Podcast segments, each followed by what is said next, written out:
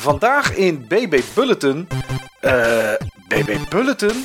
En voor de rest, Niels ontdekte de wereld van Bastion.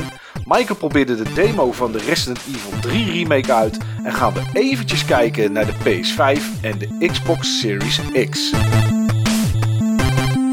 Niels, eh, we zijn terug. Jazeker, we zijn terug. En eh, ja, laten we hopen dat het ons beter vergaat dan Henny Huisman op de Nederlandse televisie.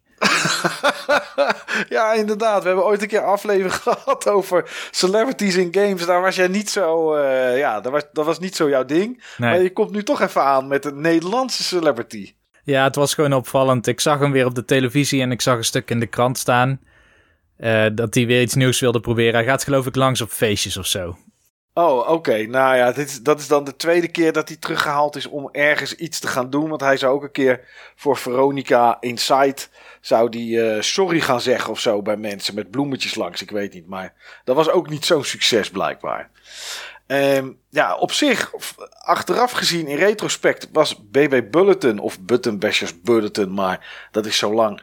Eh, achteraf gezien wel een succes qua luistercijfers. Als we nu een paar jaar later kijken. Destijds was dat wat minder. En eh, nou ja, door de editing was dat dan ook ja, een beetje de verhouding een beetje scheef, zeg maar. Eh, we, gaan dat, we hebben dat nu anders gedaan, tenminste. We gaan dat zo anders doen. Ik ga dat zo anders doen.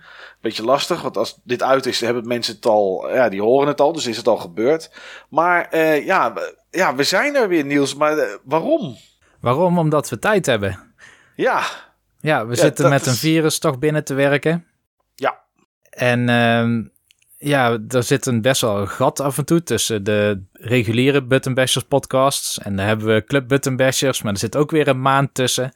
Ja, soms iets langer nog wel. Dat eh, ja, loopt toch meestal wel naar vijf weken af of zo voordat we gaan opnemen. Dan moet er nog geëdit worden. Dus ja, er zit ook wel iets langer tussen. Dus eh, ja, ja, we hebben de tijd en, en we hebben de ruimte, zeg maar, op het, eh, op het kanaal. Ja, dus we komen weer terug met het vertrouwde format. Gewoon kleine, losse podcasts die vooral op een topic dat heel urgent is of een topic van de week inzoomt. En één spel per persoon. Ja, precies. Ja, goed, ja, het is het oude format. Ehm, en we gaan gewoon kijken hoe lang we dit volhouden. Ik denk als de editing een beetje snel kan, Niels, dat dit wel misschien wel weer iets zou kunnen zijn dat elke week, eh, elke week even terugkomt. Maar goed, dat moeten we maar eens even bekijken.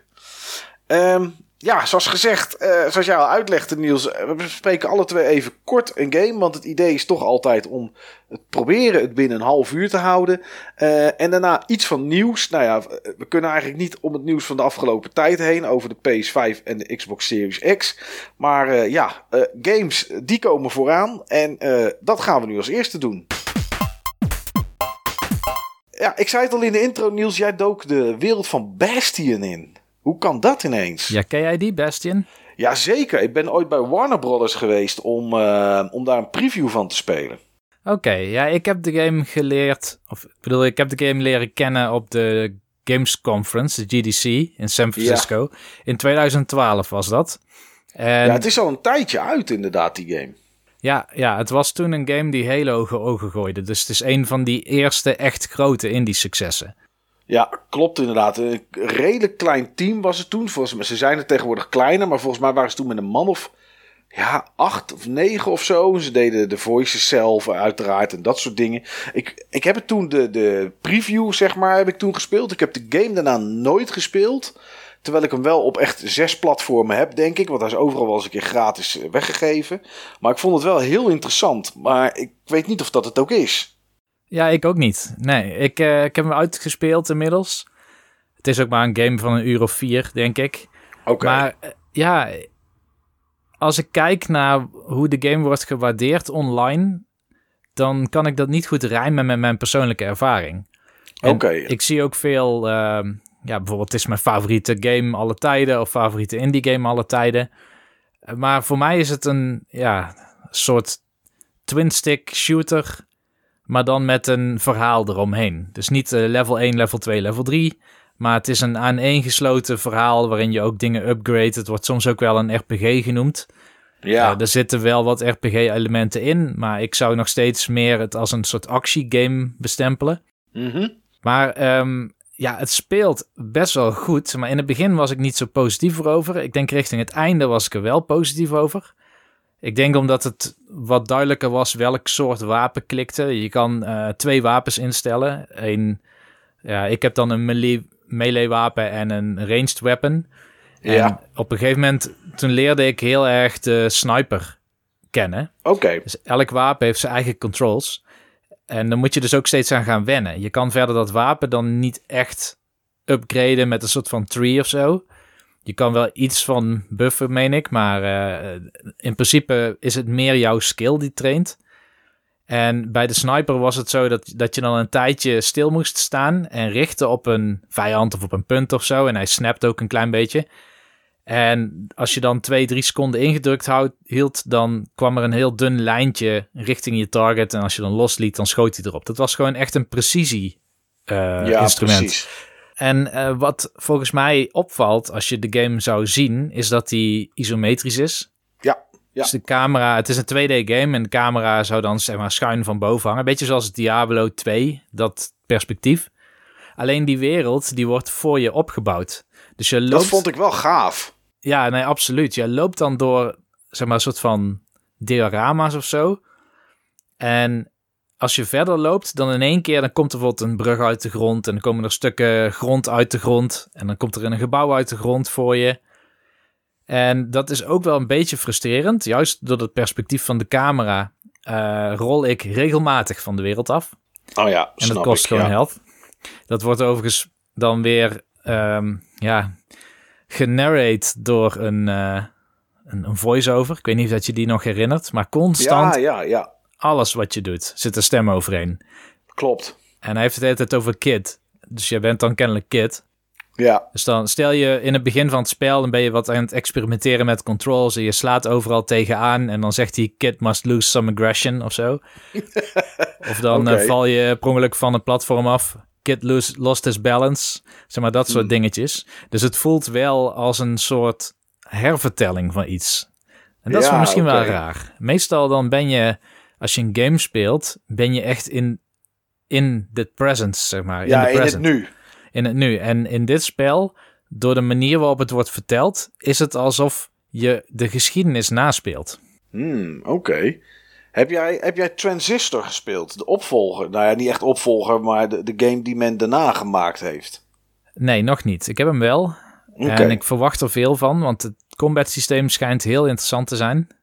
Ja, ja ik, heb, ik heb het ook, maar ook nog nooit gespeeld. En, ehm, maar ik dacht van misschien dat als je hem gespeeld hebt, of we weten dat dat beter is, zeg maar. Of dat beter speelt of niet. Ik denk dat het beter aansluit bij wat ik wil. Want uiteindelijk was dit gewoon meer een dexterity game. Zeg maar echt een actiegame waar het ging over op tijd slaan, op tijd schieten, wegrollen, dodgen, dat soort dingen. Ehm, en het was vrij mild in hoe je jezelf nog kon ontwikkelen of kon spekken. Op een Ja, gegeven moment dan krijg je wel hele speciale wapens, maar die worden dan maar één keer gebruikt. Maar ik denk wel dat dingen als verhaal en worldbuilding voor het type game dat het is, is best wel goed. Het Ja. enige nadeel is dat ik echt niet kan luisteren naar zo'n man, terwijl ik gewoon in het heetst van de strijd vijanden aan het verslaan ben. Dus ik heb meestal geen idee wat er wordt verteld. Nee, maar dat heb ik bij heel veel games. Dat had ik al bij de eerste Bioshock. En eh, daarvoor was het waarschijnlijk ook al, maar die staat me heel erg bij. Daar had je van die audiologs en die wilde je eigenlijk beluisteren, want dat is dan over de wereld. En die wereld van Bioshock vond ik super interessant. Alleen ehm, doordat dat verteld werd tijdens het spelen. En terwijl je first person aan het springen bent en aan het schieten bent op tegenstanders en ontwijken. Kan ik heel dat verhaal niet volgen, joh. Dat vind ik echt jammer. Ja. Ja, dat is hier ook. Terwijl het heeft echt iets te vertellen, want het is ook een post-apocalyptische game. De hele wereld is vernietigd. Eh, delen van de wereld zijn in bijna verschillende dimensies of zo terechtgekomen. Tenminste, de, de wereld is verscheurd. Daarom zijn het ook levels waar je naartoe duikt. En die zijn heel verschillend. En dan kom je soms hele andere volkeren of klassen tegen. En, en wat dan de Bastion is en wat, waarom je de Bastion probeert opnieuw op te starten, dat is dan het idee van de game. Bastion is zeg maar zo'n soort van city hub, eh, die ook Oh, helemaal oh, ja. kapot Ja, is. En dan kom je af en toe een shard of zo terugbrengen. En dan kun je bijvoorbeeld een, een armory bouwen of zo. Ehm, en op die manier bouw je de Bastion opnieuw op. En dan moet je hem stroom geven. Nou, waarom je dat doet, daarvoor moet je het zelf spelen. Ja. Ik denk voor de bedragen waar je hem voor krijgt, en soms is hij gratis, is hij wel de moeite waard om in ieder geval te proberen. Oké. Nou ja, goed. Het is de eerste game van, die, uh, van Supergiant Games. Dus uh, daarna alleen maar verbetering uh, volgens mij. Dus ja, misschien Transistor een keertje, Niels. Dat we eens kijken wat dat, wat dat is inderdaad. Wat heb jij gespeeld? Oh, ik weet wat jij hebt gespeeld. Ja, de ik demo. ging even ademhalen. Ja, ik heb de demo gespeeld. Ik heb Resident Evil 3 Remake Raccoon City demo. Dat is volgens mij de, de volledige naam van, van de demo.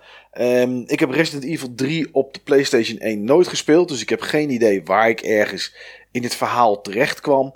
Um, ja, eigenlijk kan ik er heel kort over zijn. Het is Resident Evil 2 Remake. Het ziet er uh, even mooi uit. Uh, camera en dat soort dingen zijn allemaal eigenlijk wel hetzelfde. Um, ja, alleen Resident Evil 3 is meer actie georiënteerd dan dat Resident Evil 2 was. En dat merk je ook wel vrij snel in die demo. Dat je op plekken komt waar echt 4, 5 uh, zombies lopen. En ja, daar heb je niet altijd genoeg kogels voor. Dus het is toch soms wegrennen um, uh, of wegduiken en dan doorrennen om, om een gebouw in te gaan. Alleen, ja, weet je, dat voelt dan toch een beetje tegennatuurlijk. Ik wil ze eigenlijk gewoon allemaal kapot hebben. Dus dat ben ik ook gaan proberen. En door, uh, door je mes te pakken kan je ze natuurlijk steken en slaan en, uh, en, en neerprikken. Alleen er zat iets in de demo, of, of ik snap het niet. Of het is iets wat misschien gefixt is straks als de game uit is. Maar op het moment dat een zombie jou te pakken krijgt, dan uh, kan je, krijg je zo'n prompt dat je snel op de X moet drukken. Dat je moet rammen om dat te ontwijken. En ondanks dat ik soms voordat de zombie mij ging bijten het rondje al vol had gedrukt met X'en, werd ik toch gewoon gebeten. Dus ja, het, het lijkt mij dat als ik dat indruk, dat ik die beet niet zou moeten krijgen. Dat ze misschien met een mes of zo, dat Jill Valentine met een mes of zo hem dan afweert of een stomp geeft. Ik weet het niet. Dus ja, goed, dat is, dat is mij nog niet helemaal duidelijk waarom dat niet uh, lekker werkte. Of waarom het voor mij niet lekker werkte. Ja, en voor de rest is het precies wat je mag verwachten. Uh, het zijn iets grotere gebieden wel in de demo, had ik het gevoel. Dan, dan in Resident Evil 2, de remake. Uh, ja, ik, ik, en ik had het gedownload omdat de game komt op 3 april uit, volgens mij. En ik wilde eigenlijk even testen of ik zoiets had van: moet ik dit gaan kopen voor volgende maand? Of uh, moet ik Final Fantasy 7 uh, remake, moet ik die gaan kopen? Of moet ik ze beide kopen? Uh, ja, ik denk toch dat ik dit wel ga kopen. Want ik heb met Resident Evil 2, die remake, heb ik me echt heel goed vermaakt. En volgens mij uh, had ik die zelfs genoemd in mijn Game of the Year lijstje op nummer 3 vorig jaar. Ja, zeker. Ja, ja, hè. Dus ik kan deze eigenlijk niet laten liggen. Plus dat die uh, multiplayer mode zit, hier, uh, zit hierbij in. Die 4 tegen 1, die zit hier gratis bij. Um, ja, die vind ik misschien toch ook wel leuk om een keertje te proberen. Dus ja, als je de Resident Evil 2 remake heel tof vond, ja, dan, en, ja, en iets meer actie vind je niet erg, dan denk ik dat dit wel een, dat dit wel een aardige game is om, om te gaan proberen. Hoe is de setting anders dan die van 2? Tenminste, 2 is dat Raccoon City en politiebureau en zo neem ik aan. Ja, 2 is bijna alleen maar politiebureau. Ehm, zeker, ik denk twee derde. En op een gegeven moment ga je dan wel soort van onder de grond ga je verder naar andere gedeelten. Je komt heel even buiten. Uh, deze demo, die ik, uh, wat heb ik erover gedaan? 50 minuutjes omdat ik eh, uiteraard ging zoeken naar alle items en dat soort dingen. Uh, heb ik alleen maar buiten en in gebouwen, zeg maar, gelopen. En volgens mij, van alles wat ik ooit van Resident Evil 3 gezien heb, is het meer uh, Raccoon City-achtig. Dus dat je meer door de steden loopt, of door de stad loopt in dit geval. En gebouwen binnengaat, een donutwinkel, een, een, nou ja, een speelgoedwinkel, dat soort dingen allemaal. Ja. Dus uh, wat ze in 2 hadden ingebouwd zit hier ook weer in. In 2 hadden ze een soort uh, bobbleheads die overal stonden als extra's die je kapot kon schieten voor een trofee. Nou ja, die zitten er hier ook in. Uh, de demo zei aan het einde dat ik er drie van de 20 had. Maar het lijkt mij sterk dat er in dit gebied de 20 staan. Want dan zouden ze om de drie stappen er moeten staan. Maar ja, de, de demo is te downloaden, gratis. dus ja, mocht het, mocht het interessant klinken en je denkt... Ah, eigenlijk wel weer eens even wat anders. dan is dit misschien wel een, een aardige demo om, om even te proberen. Ja, traditiegetrouw in eh, BB Bulletin, althans dat was het in het verleden, hadden we hier een kopje nadat we game hadden besproken, de man Niels, om, om wat nieuws door te nemen. Nou, er gebeurt wat minder op dit moment door alle gebeurtenissen in de wereld. Maar ja, de laatste tijd is er toch al info onthuld over de Xbox Series X en gisteren ook over de PlayStation 5. Ja, ik, vind het, ik weet niet waar we moeten beginnen eigenlijk, Niels. Moeten we beginnen bij, bij wat we mooi vinden of wat we minder vinden? Ik weet het eigenlijk niet. Ik vind het lastig. Ja, weet je wat zo lastig is, Mike? Het ene bedrijf, Microsoft, die laat heel veel zien. Dus die noemen wat specs en dan zeggen ze vervolgens: kijk, en zo ga je dadelijk heel snel tussen games switchen. En dit is hoeveel sneller het laat dan wanneer je gewoon een Xbox One X hebt. En bij Sony worden die dingen ook wel genoemd, maar die worden niet getoond. En dan zoomt Sony weer op een heel ander aspect in. Bijvoorbeeld 3D-geluid of RDNA 2-architectuur. Maar die zitten ook weer in de Xbox Series X. Dus ja, het is zonder dat we daar de games hebben gezien en kunnen vergelijken, is het nu nog best wel moeilijk om er echt iets over te zeggen. Ja, nou ja, dat is ook zo. Microsoft is natuurlijk vrij snel geweest met het design tonen. Dat was al in december volgens mij. Ja. Uh, Sony heeft ja, tot aan gisteren alleen nog maar verteld dat die komt. En die hebben een keer ergens het logo onthuld of zo in het begin van het jaar. Nou, dat was natuurlijk nou niet echt wereldschokkend. Uh, en ja, Sony heeft eigenlijk gisteren pas gewoon wat specs bekendgemaakt. En dat is het inderdaad. Het apparaat weten we niet hoe het eruit ziet. Controller niet. Uh, we hebben nog niks van games gezien. Voor Microsoft is dat vandaag veranderd, althans zover ik weet. Uh, er was al wel, waren al wel wat beelden van Minecraft op de Xbox Series X. Hoe, je dat, uh, hoe dat dan met raytracing werkte. En vandaag zag ik de eerste beelden van Gears 5 die ze over hadden gezet. En uh, wat daar dan aan verbeteringen zeg maar in zaten. Ja. Maar ja, het is, het is heel lastig. Kijk, ze hebben alle twee uh, hebben ze wel plus- en, en minpunten. Ehm, Sony eigenlijk vind ik op dit moment, omdat we ook nog niet zo super veel weten, is het enige pluspunt dat het sneller zal de games in zal laden dan Microsoft. Althans, dat denk ik. Dat mag je wel aannemen, denk ik, ja. Ja, ja. Ja, en, en, en Microsoft die ja, zit met videokaart zit die, zit die sneller. In ieder geval op papier met de nummertjes. Wat er uiteindelijk gebeurt, weten we natuurlijk allemaal nooit. Uh, processor. Uh, geheugen is volgens mij hetzelfde hè, van die apparaten. Nou, Microsoft heeft uh, 10 MB of 10 gigabyte sneller geheugen dan Sony. En 6 oh, gigabyte minder snel geheugen. Dus ze hebben het in twee pools verdeeld. En Sony heeft zeg maar gemiddeld snel geheugen. Maar dan 16 als één pool. Ja, ja. Wat zou daar de reden van zijn? Zou in die 6 het systeem zitten en alles wat sluimert, zeg maar? Nou, ik weet het niet. Ik, uh, ik weet nog van de Wii, daar had je dat ook. Die had ook twee verschillende memory pools. En dat was omdat dan het ene geheugen was goedkoper dan het andere. Dus dan was het niet zo super, super duur. En dan kon je bijvoorbeeld kiezen voor bijvoorbeeld textures. Die moeten heel vaak naar het videogeheugen geüpload worden, zeg maar. Dus laat die dan maar in een snelle RAM zitten. Maar er is ook heel veel data, zoals level data, zeg maar. Dat, dat mag ook best in een trage RAM zitten. Ja, precies. Omdat dat, uh, ja, ja, ja, of een stuk van de engine of zo. Die, die, die laat die in en daarna, ja, daarna zit het er, zeg maar. Oké. Uh, van de Xbox Series X weten we dat die backwards compatible is met de Xbox One, maar ook met 360 en met de originele Xbox. We weten niet of het alle games zijn, waarschijnlijk niet. Het, volgens mij is het gewoon hetzelfde systeem als dat het nu is, dat ze af en toe games toevoegen aan die pool. Uh, en Sony heeft gisteren bekendgemaakt alleen PlayStation 4 dat die, uh, dat die backwards compatible is. Denk je dat dat nog een ding straks gaat worden? Dat de 3 niet backwards compatible te spelen is op de, op de PS5? Ik denk dat die kans best groot is, inderdaad. Want zelfs met PlayStation 4 um, uh, zijn er, ik dacht, 100 speelbaar op launch. En de rest gaan ze dan nog toevoegen. Maar PlayStation 3 is zo'n andere architectuur. Het is misschien wel te emuleren. Misschien dat ze die route op gaan. En dan gaan ze eigenlijk hmm. zeg maar, voor de oudere systemen hetzelfde doen als wat Microsoft doet. Ja. Maar ja, maar maar denk je dat het voor, de, voor mensen straks die zo'n apparaat gaan kopen, dat het daar nog iets voor uit gaat maken? Of zouden die daar niet zoveel om geven? Ja, dat is een goede vraag. Eh, ik geef er wel iets om. Ik wil gewoon één systeem waar ik zoveel mogelijk op kan doen. Ja. Maar ik kan niet voor anderen spreken. Ik denk de meeste mensen die. Ik denk dat heel veel mensen hun oude games niet bewaren. Nee, het gros niet. Nee. Het gros niet. Dat hij het verkoopt eh, om weer nieuwe games te kunnen kopen, bijvoorbeeld. Of heeft gegeven aan iemand die ze kennen, die toch niet per se het nieuwste van het nieuwste hoeft te hebben. En dan Nee, is die is ook feature misschien ook wat minder waard voor ze.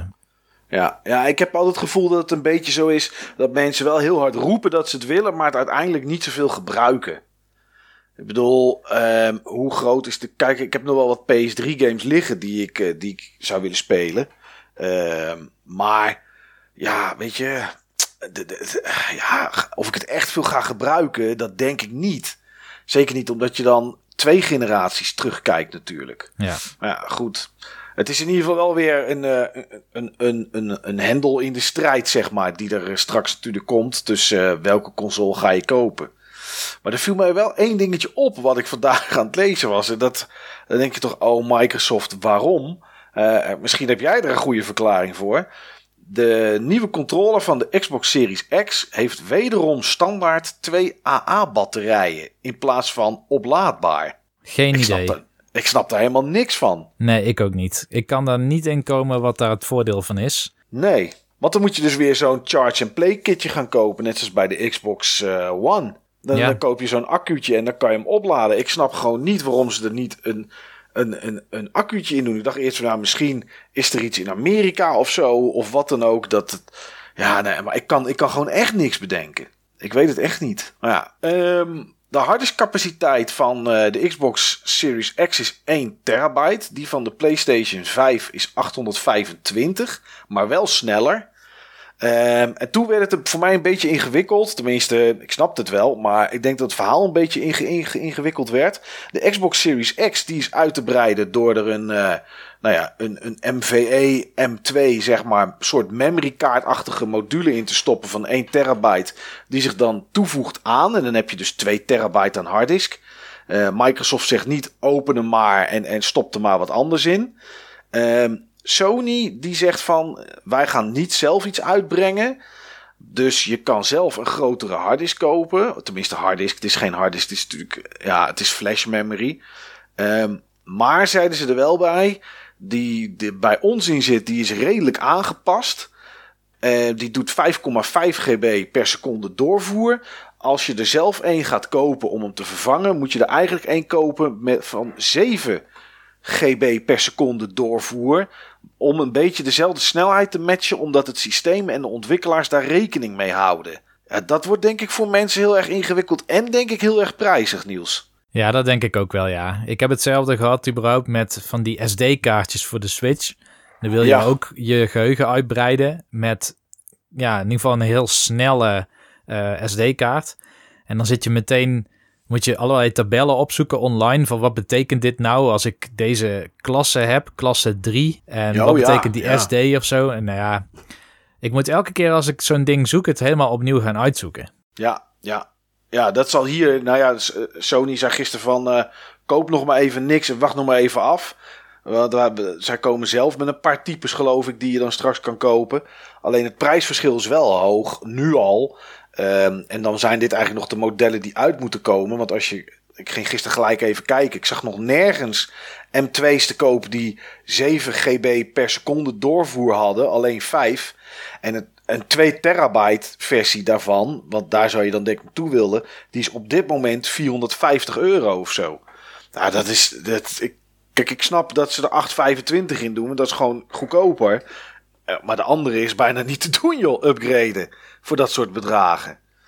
Ja, goed. Sony zegt, we hebben gekeken naar eh, eh, hoe mensen gamen en hoeveel games ze gemiddeld op hun harddisk hebben. Ja, blijkbaar horen wij denk ik daar niet bij dan. Want ik neem aan dat jij ook meer games op je harddisk hebt dan, dan drie of vier. Nee, ja, ik heb er veel meer dan drie of vier. Ja, Maar ik geloof ze wel als ze zeggen dat ze daar goed onderzoek naar hebben gedaan. jawel, zeker wel. Het zal ook gemiddeld zijn, hè. Ik bedoel, de meeste mensen spelen één of twee games en die gooien dan wat eraf, kopen weer wat nieuws. Ja, die doen dat niet zoals dat wij dat misschien doen, maar... Nou ja, goed.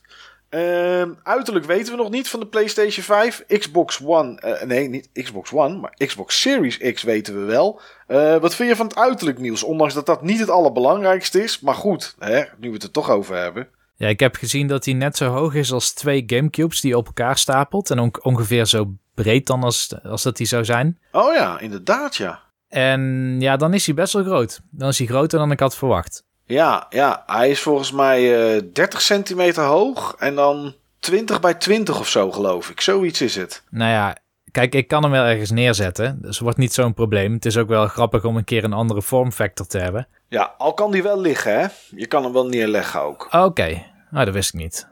Ja, ja, ja, hij is gewoon eh, neer te leggen, dus dat is niet zo'n eh, dat is niet zo'n punt. Oh nee, het is, het is 30 centimeter hoger dan 15 bij 15. Dat is het. Maar goed, het is wel een, ehm, ja, qua, ik geloof dat het voor Airflow wel een aardig design is. Dus ik ben wel benieuwd eh, wat, het, wat het gaat doen. Heb jij, ondanks dat het heel moeilijk is, maar goed, een beetje afsluitend, al een voorkeur, Niels? Ja, ik dacht een voorkeur te hebben en ik begin weer te twijfelen. Oké, waar dacht je een voorkeur voor te hebben? Ik dacht de Xbox Series X. Mhm. En de reden dat ik dat dacht is omdat ik eh, heel veel gebruik maak van Game Pass. Ja, Daar komen al heel veel nieuwe games op. Die ik misschien niet per se op mijn netvlies had. Maar die je wel probeert, omdat je ze toch hebt. ja, En klopt. dat zou ik dan kunnen doortrekken. Plus die backwards compatibility zorgt ervoor dat games die ik nog heb liggen, bijvoorbeeld van Xbox One, die zien er nog gewoon prima uit. Die zou ik gewoon nog prima kunnen spelen. Zeker, ja. Plus het is wel de krachtigste console. Ja, ja, dat is het. Maar toch.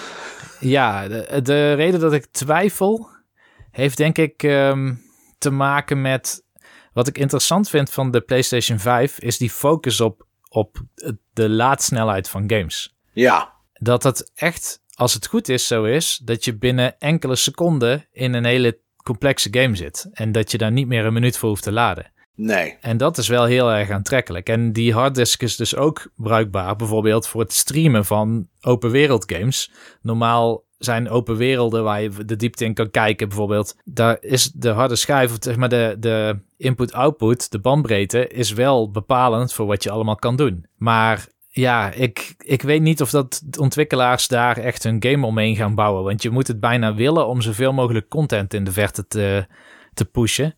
Maar goed, ik vind het dus wel interessant. Ik heb het idee dat, dat het uiteindelijk best wel dicht bij elkaar in de buurt zal liggen. Ja, Ehm, de, de bottleneck, zeg maar, die de PlayStation 5 heeft in rauwe performance, daar hebben ze ook wel weer wat andere incentives die ze teruggeven. Uiteindelijk denk ik wel, kijk, je kan elke keer wel denken van, oké, ja, die teraflops, 12 teraflops en het andere systeem, de PlayStation, dan is, wat was het?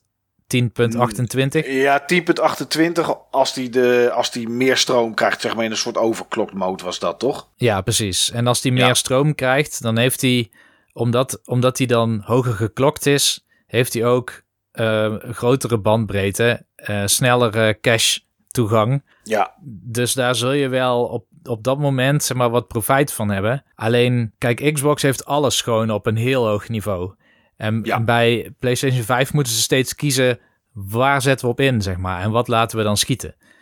En eh, uiteindelijk voor de first party games zal het niet uitmaken, want die zullen gewoon uiteindelijk waarschijnlijk verbazingwekkend zijn. ja, uiteraard. Ja. Maar bij de andere games, daar gok ik wel dat je het verschil gaat zien. Hmm, ja. Maar ja, goed. Dus welke keuze? Ja, ik neig eigenlijk, nu toch nog wel naar de Xbox Series X. Omdat ik weet dat ik daar meteen mee aan de slag zou gaan. Bij de PlayStation 5 zou ik heel erg gaan kijken van wanneer komt dan die game die ik erop zou gaan spelen. Als die niet heel erg backwards compatible is en ik heb niet die Game Pass om meteen mee aan de slag te gaan. Nee, nee. Nee, dat is zo inderdaad. Ja. Nee, ik heb hetzelfde. Op dit moment neig ik naar de Xbox Series X. Vanwege alles wat je net zei. Ehm, en inderdaad, nou ja, die Game Pass zei ook. Maar dat is voor mij wel een belangrijk ding. Ehm, want ja, goed, daar stoppen ze toch zoveel in dat je gelijk daar echt performance, nou performance, dat je gelijk plezier eruit kan halen. Is ook een P. Ja. Maar dan heb je op dag 1 heb je gewoon ja, honderden, honderden games om direct te kunnen spelen. Eh, het enige dat mij zou over kunnen halen om eerst de PlayStation 5 te kopen, zou denk ik Bloodborne 2 zijn. Nou, dat zou bij mij niet eens werken. Want die heb je Oké. dan uitgespeeld na 35 uur en dan. Ja, dan eh, de volgende game. Nee, ja, dat, nee, dat, ja, nee, dat snap ik. Dat is, Maar- dat is mijn afweging dan. Ja, maar die zou ik zo graag willen spelen. Maar als die er bij launch is, denk ik dat er zomaar ook een kans zou zijn dat die op de PS4 op dat moment beschikbaar is. Omdat, ehm, maar goed, ik denk niet dat dat het is. Maar als dat zo zou zijn, dan denk ik dat ze hem ook wel voor de PS4 zouden doen. Ja, dat denk ik ook. Ja. Omdat, omdat de kans natuurlijk groot is dat er te weinig PS5 zijn op de launch.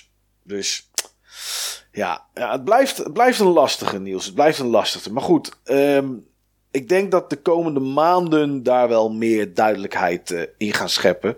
Want dan, uh, ja, dan krijgen we games te zien. Dan krijgen we, nou ja, het uiterlijk boeit me niet zo. Van, uh, van hoe de PS5 eruit ziet. Het is leuk als het er aardig uitziet. Maar voor de rest boeit dat natuurlijk niet zoveel. Maar het, ja, het gaat toch een beetje om, om de games. Maar ja.